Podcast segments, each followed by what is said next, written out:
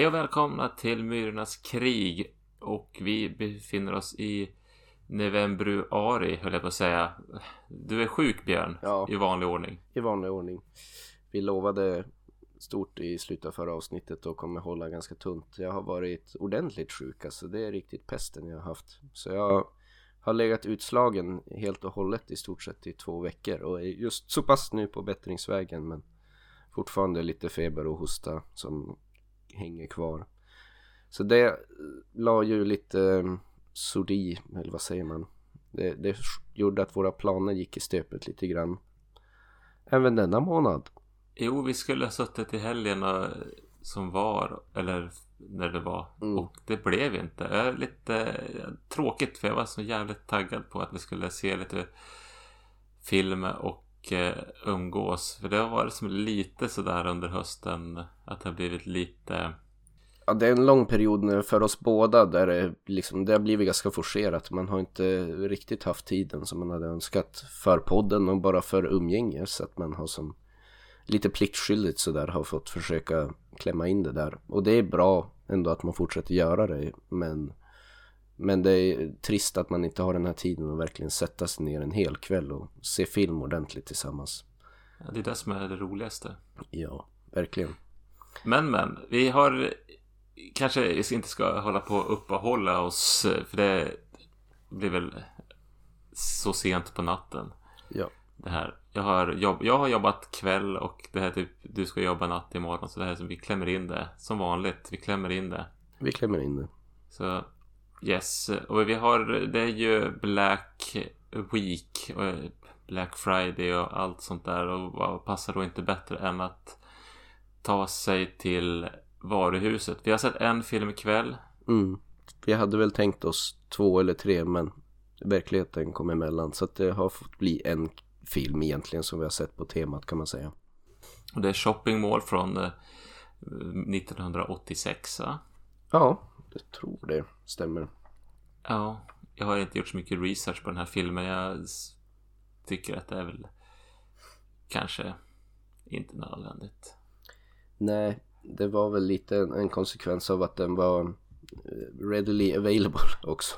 Det fanns, eh, man kunde få en subscription till Prime streamingtjänsten eh, en månad gratis och de hade shopping mall så då passade vi på att nappa på det erbjudandet så hade vi ett enkelt sätt att kunna se filmen bägge två. Och där är vi. Och där är vi. Ja, men eh, vi kan ju ta... Vi, innan vi hoppar på den filmen så kan vi väl eh, köra... Ja, du har väl... Du nämnde att du hade sett eh, lite... Ja, lite grann har jag sett. Jag var ju, Annat. det har inte riktigt varit sån här sjukdom att jag kunde ligga och titta på filmen.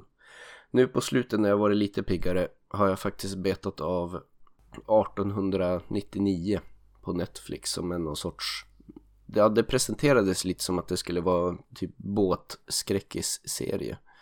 Men övergick väl lite mer i någon sorts mystery thriller eh, Christopher Nolan grej av det hela.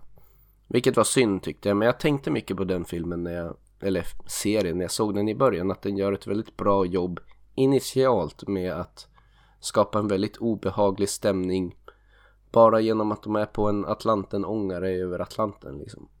Och jag saknade det tyckte jag också när vi såg våran, vi gjorde ett båtavsnitt någon, ja härom sommaren tror jag.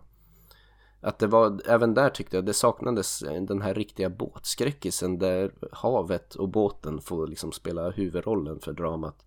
Utan det, det blir liksom en, en bisak att de är på havet. Det är en slasher fast de är på havet. Eller det är sån här film fast de råkar vara på havet. Men jag, det känns som jag vill ha en riktigt kuslig marinrysare där liksom havet och, och båten får spela huvudrollen. Och jag tror att det skulle kunna gå också. Att det bara havet är ju kusligt liksom. Det är djupt och mörkt och man vet inte vad som finns där. Och jag tror att det räcker. Man behöver inte ha en mördare på båten också. Nej, man får, jag har ingenting emot att det är något fantastiskt element i det sådär. Men man, det, havet är som underutnyttjat. Jag håller med. Det var som när vi gjorde de där, vad hette det, Triangle och eh, ja, nu har jag glömt bort vad den andra hette. Den där båten när de slog ihjäl varandra. Eh, Donkey Punch. Just det, den. Så var det som det var bara liksom en liten en smaksättning. Mm.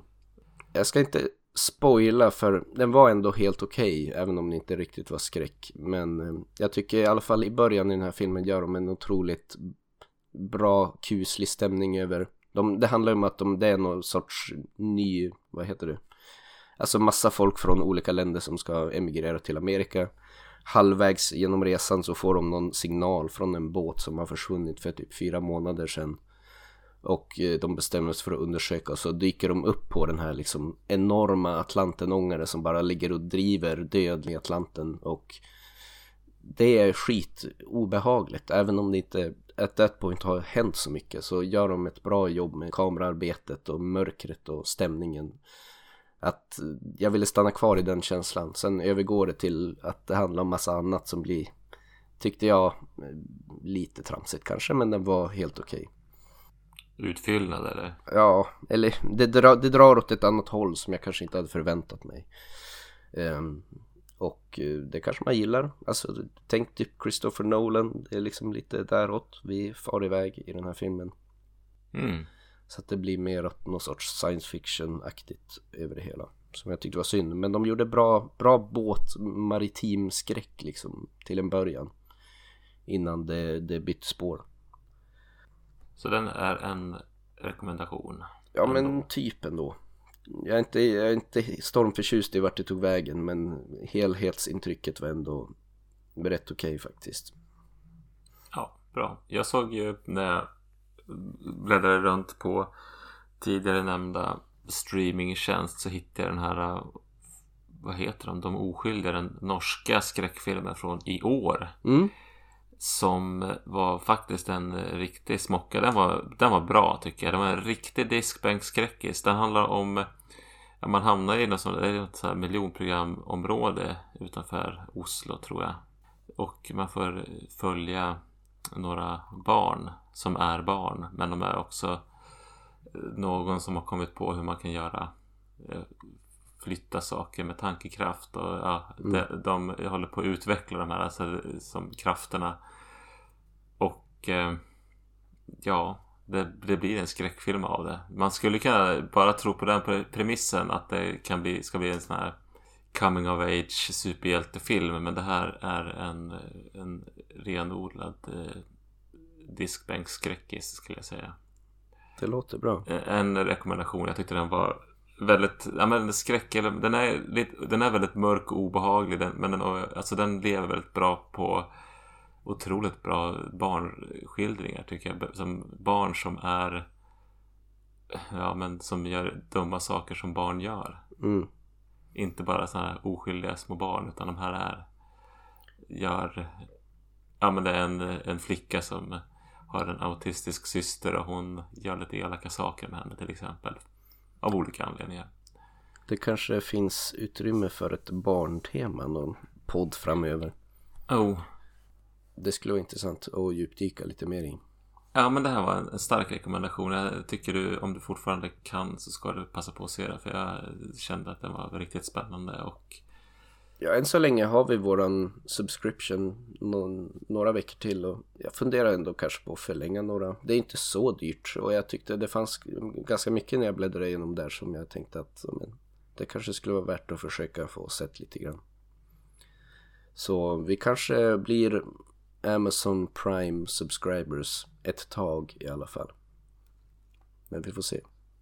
Ja, det tickar ju på det där men ja, ett kort tag så tar man ut och får lite ny, nya infall. Mm.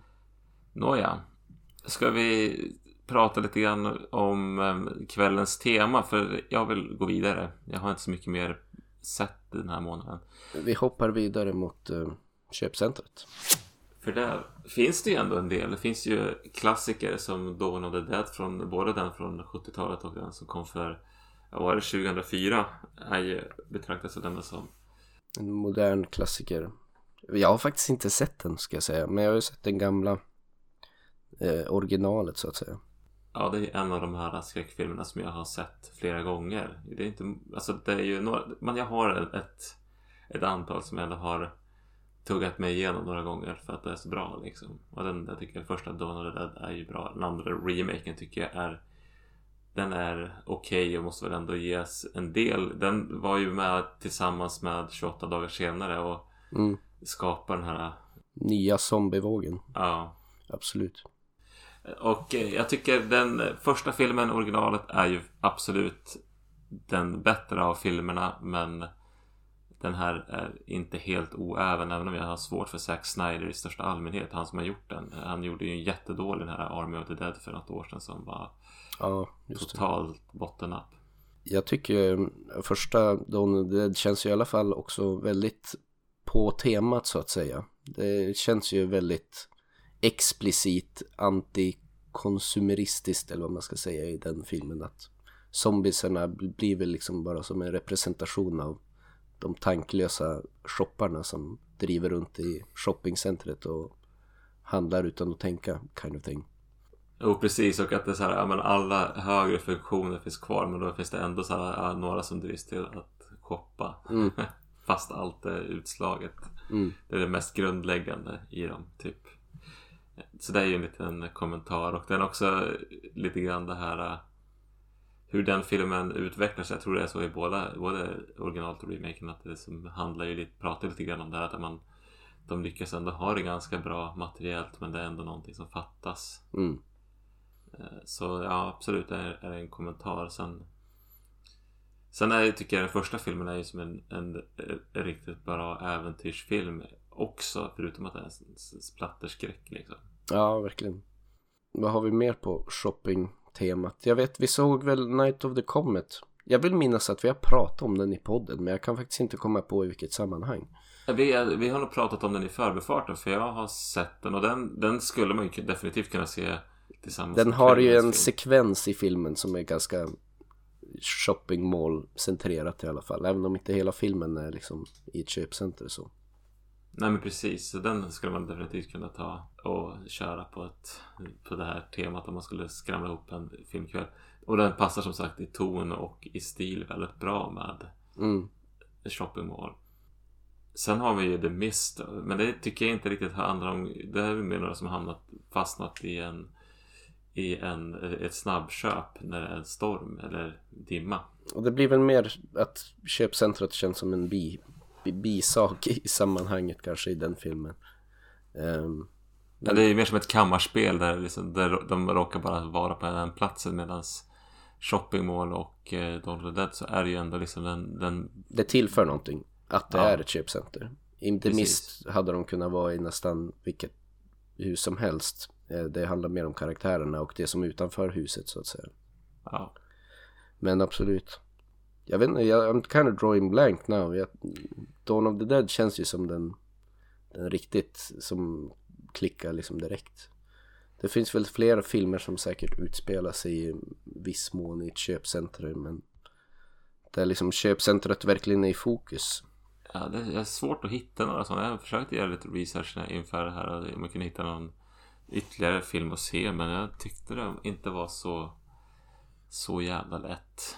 Jag tänker att det finns utrymme här för en modern film med köpcentrum i fokus. Särskilt nu när det, är, det finns väl liksom ställen i, tror jag kanske ännu mer i USA, men börjar väl komma även i Sverige där man har sådana här stora liksom handelsområden som helt dör ut på grund av webbshopping och annat. Så att det finns liksom sådana här enorma köpcentrum som verkligen är som spökhus nu för tiden.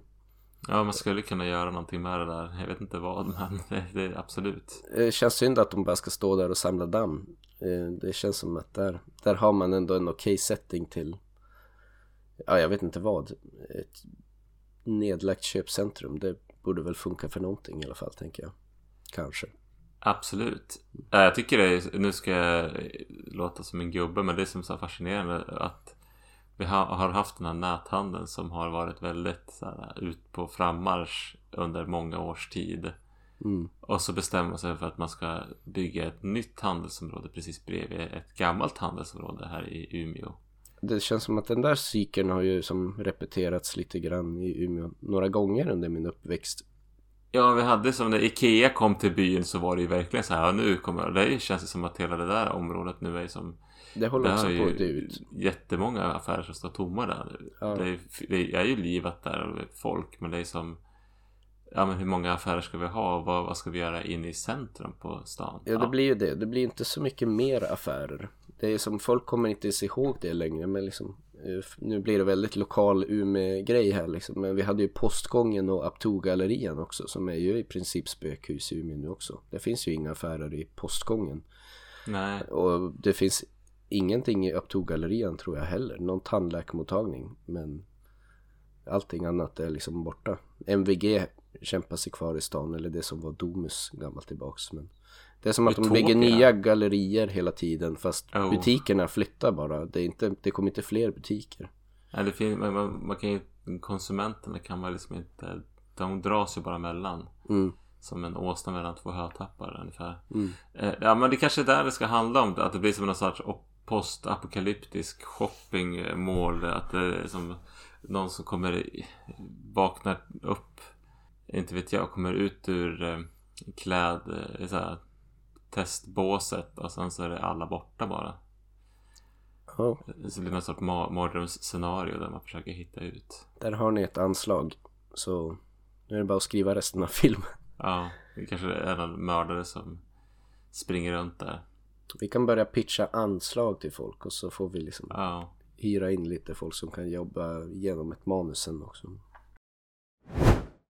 Nåväl, ja, men eh, shoppingmål då. Ska vi hoppa in där? Jag tycker väl att eh, den är väl ändå, jag spontant tänker efter, den som är mest på en shoppingmål av alla filmer vi har pratat om ikväll. Ja men definitivt.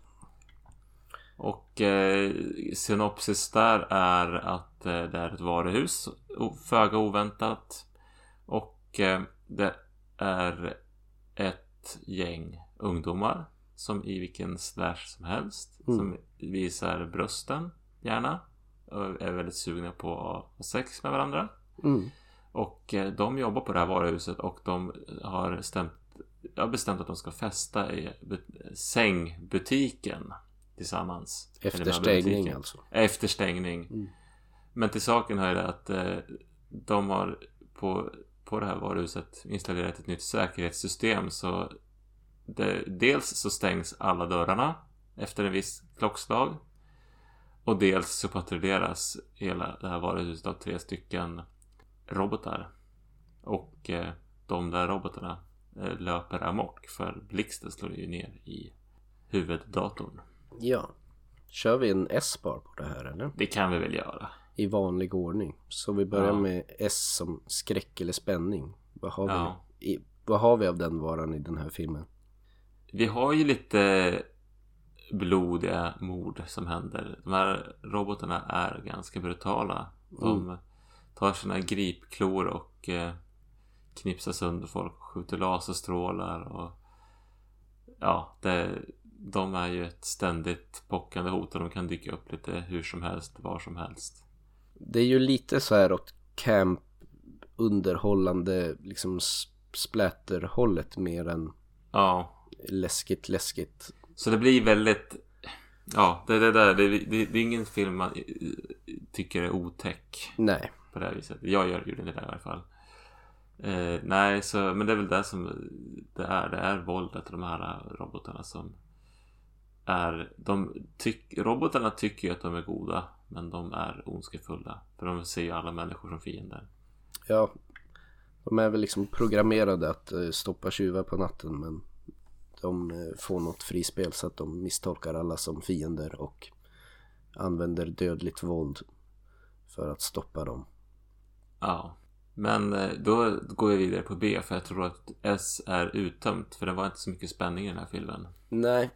Och B-mässigt, det känns ju som här De här som har gjort den här filmen Känns som att de verkligen föraktar Shoppingmålkulturen. Jag tycker rent i anslaget innan robotarna löper amok så är det ju något som Scener där de bara presenterar köpcentren och de som är på köpcentrat och alla presenteras liksom som supersnuskiga eller idioter typ. Jag vet inte. Men det känns som att det finns ett, ett stort förakt mot konsumerismsamhället eh, som ligger bakom den här filmen. Och att det är liksom bara misär nästan på de där ställena fick jag känsla av. Att folk snubblar omkring och det är de som jobbar där utnyttjas. Och... Mm. Sen fick man ju Major Robocop-vibbar tycker jag också. Ja, den här. och det här är ju innan Robocop. Det är det också. Jag Det, det, det, ja, jo, ja, men de här robotarna som far runt, de är ju absolut inte i samma stil som den här stop motion roboten i Robocop, vad det den hette. Mm. Men de pratar ju och har ju samma typ av Have a nice day säger de här. Alltså de är ju verkligen sådana här äh, föregångaren till äh, den goda Robocop. Och den eh, bara sättet de presenterar robotarna på med lite den här ironiska tonen påminner lite om de här reklamsnuttarna som de inkluderar i Robocop också. Ja men precis, för man får ju se en sån här robot som chockar en inbrottstjuv. Mm.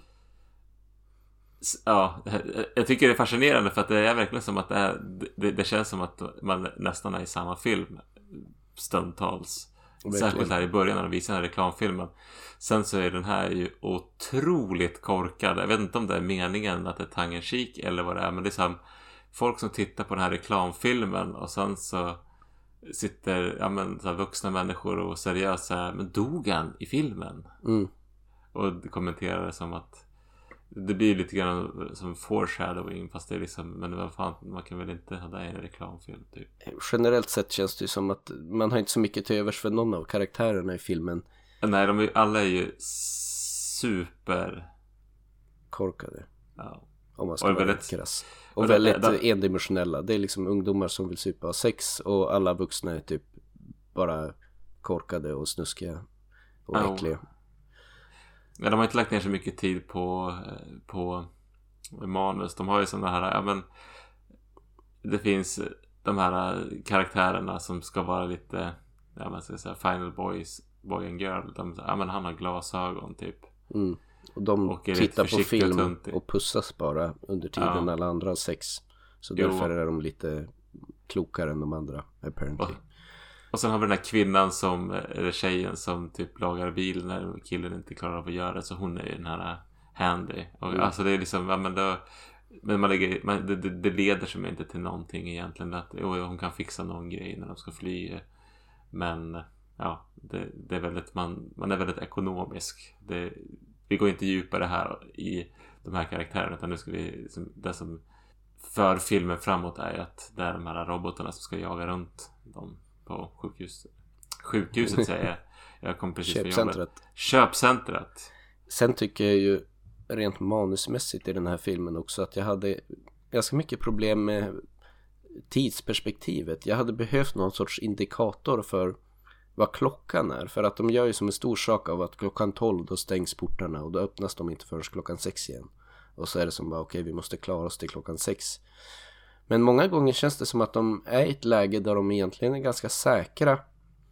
Men sen bestämmer sig bara för att gå ut igen, ut i köpcentret och utsätta sig för risk i onödan när man tycker att liksom gömma er i någon garderob någonstans i sex timmar är väl inte det värsta som har hänt mänskligheten liksom. Att det, det borde de kunnat klara av. Men det är som att de sitter och gömmer sig någonstans och bara okej, okay, now we're safe. Och så sitter de där i 30 sekunder och sen bara okej, okay, let's go out again. Och så är det ju som alltid då när de är ute och springer runt i köpcentret som de faktiskt råkar illa ut.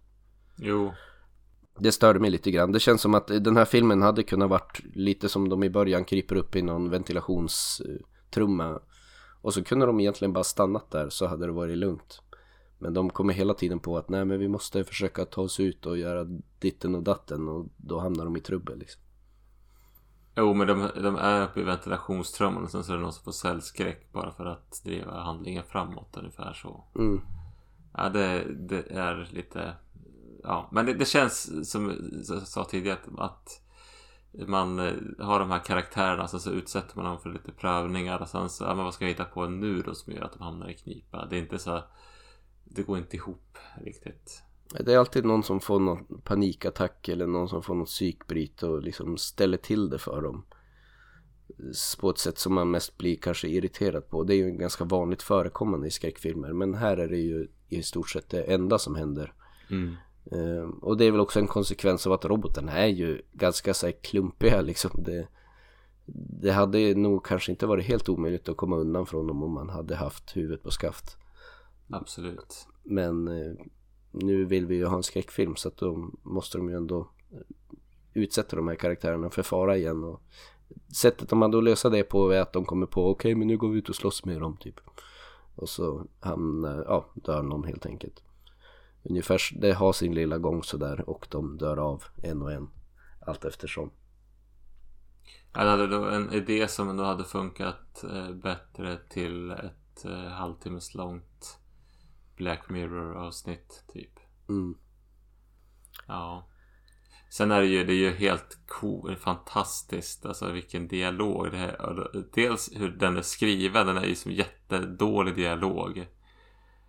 Eh, alltså det, jag, jag tyckte att det var underhållande dåligt. Och sen att de var så, det är verkligen de här skådisarna som bara typ Det känns som att de har fått sina repliker, lärt sig dem så att de kan säga dem inför kameran och sen har man tagit det på en tagning och gått vidare till nästa. Jo, det blir en del sådana awkward pauser också ibland i konversationen där det är som uppenbart att okej okay, nu har han sagt sin replik och så har inte nästa person riktigt varit med på att det är dags för dem att säga sin replik och så blir det ett sånt där litet weird break där det är som att man bara står och väntar på att någon annan ska säga sin replik typ. Och, ja, det är inte bra. Men eh, det är väl som du säger, det, den tangerar ju så dåligt så det blir bra i många avseenden ändå den här filmen som gav det, det fanns en underhållningsvärde liksom. Eh, även i det dåliga, många gånger.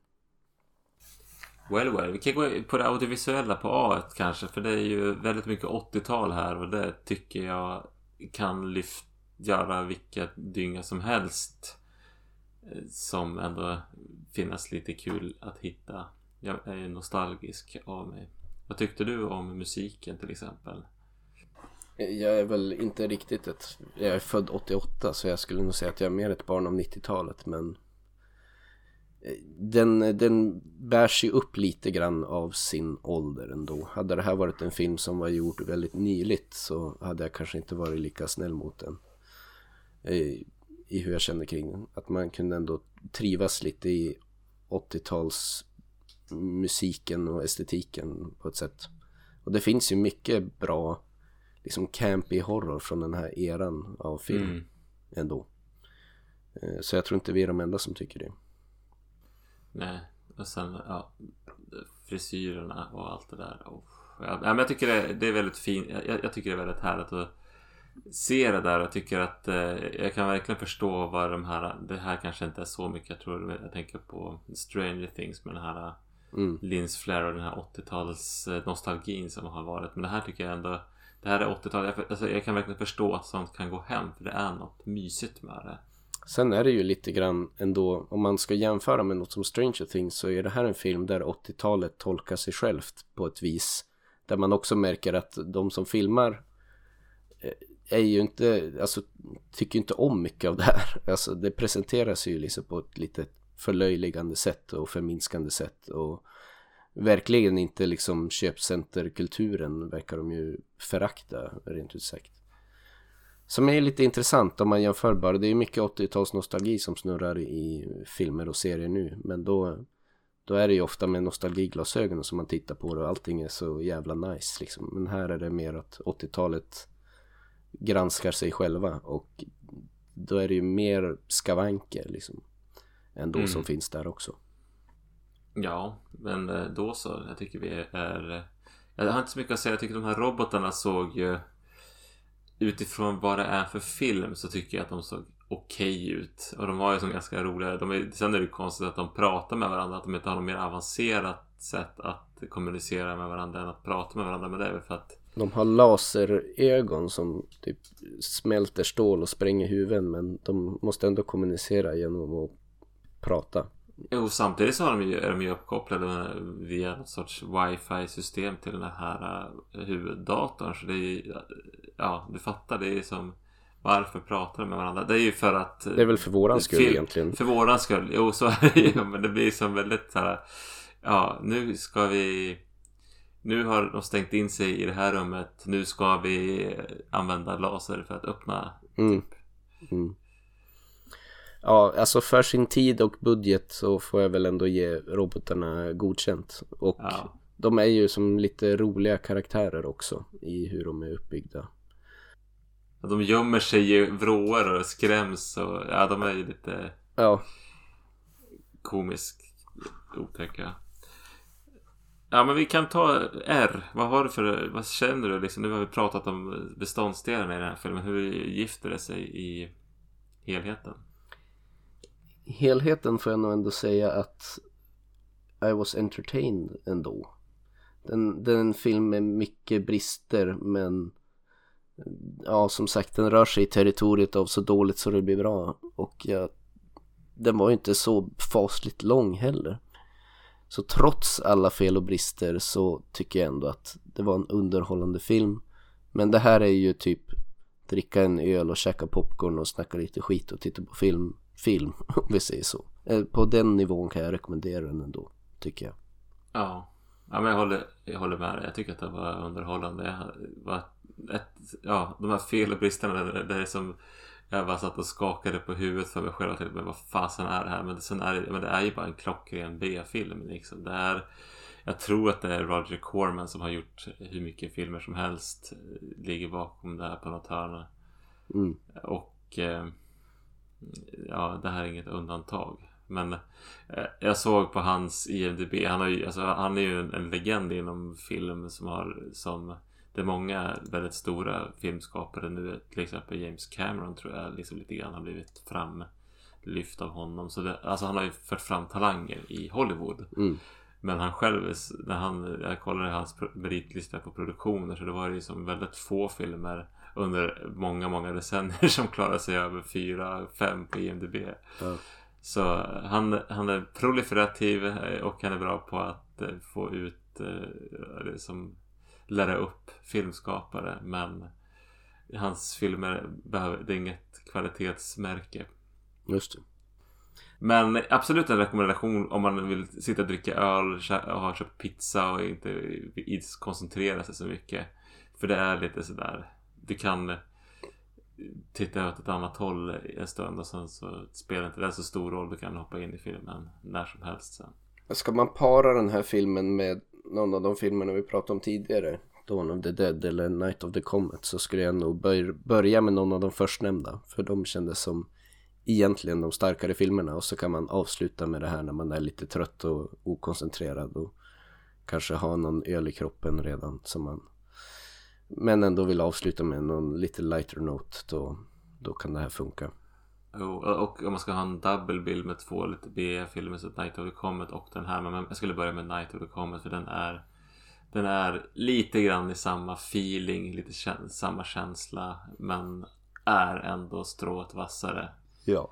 Och jag tyckte jag hade den, den var mysigare. Den, den hade lite, lite mer eh, annorlunda plott. Ja. Så men de, de gifter sig nog ganska bra. De har ju lite grann samma ton. Så gillar man Night of the Comet så kommer man ju förmodligen gilla den här och vice versa. Det tror jag. Men Night of the Comet är det starkare kortet i, i min bok vart för. Ja, ja. Det var det. det. Det var det. Så får vi se hur det blir framöver. Det, med poddandet. Men jag, vi har, jag har ju den här drömmen om att vi ska göra två kortare avsnitt i december 1. Där vi ser på en julfilm jag har, som jag har kurerat. Mm. Eh, jag tror att den heter... Oh, var den här någonstans? Det här är bra podd när man sitter och vänder sig bort från mikrofonen för att se. Äh, det, det Ordeal heter den på engelska. Okay. Någon belgisk tror jag, eller fransk julfilm. Ja men det kan vi väl i alla fall nästan lova. Den kan vi lova. Sen så får vi se om det blir något nyårsavsnitt också. Och vad nyårsavsnittet blir då. Om det blir skräck med nyårstema eller som vi har gjort något tidigare år att vi bara pratar om året som varit och året som kommer. Jo. Eh. Det återstår att se. Det är ett ganska öppet... Eh, det är ett carte blanc. Eller vad man säger. Precis. Ett oskrivet blad. Jag, kan, ja, jag, jag hoppas, men eh, jag får väl se. Vi kanske får en gäst, men det återstår. Att, eh, det kan vi inte se förrän det har hänt i sådana fall. Vi får se helt enkelt. Så ska jag försöka hålla mig från att dra på mig någon brutal smitta igen. Så har jag faktiskt sökt lite semester under julhelgerna också så att jag hoppas att det ska finnas lite mer tid för umgänge. Det hörs bra. Jag ska väl också vara eh, ledig lite grann. Jag kommer jobba i mellandagarna men runt nyår så ser det bra ut. Ja men då så. Vi har en ungefärlig plan. Ja. Och till dess får ni hålla till godo med detta lite kortare avsnittet. Och som eh, tröst så, får ni, så bjuder vi på glögg och pepparkakor i nästa avsnitt. Det hörs bra. Tack och godnatt. Godnatt.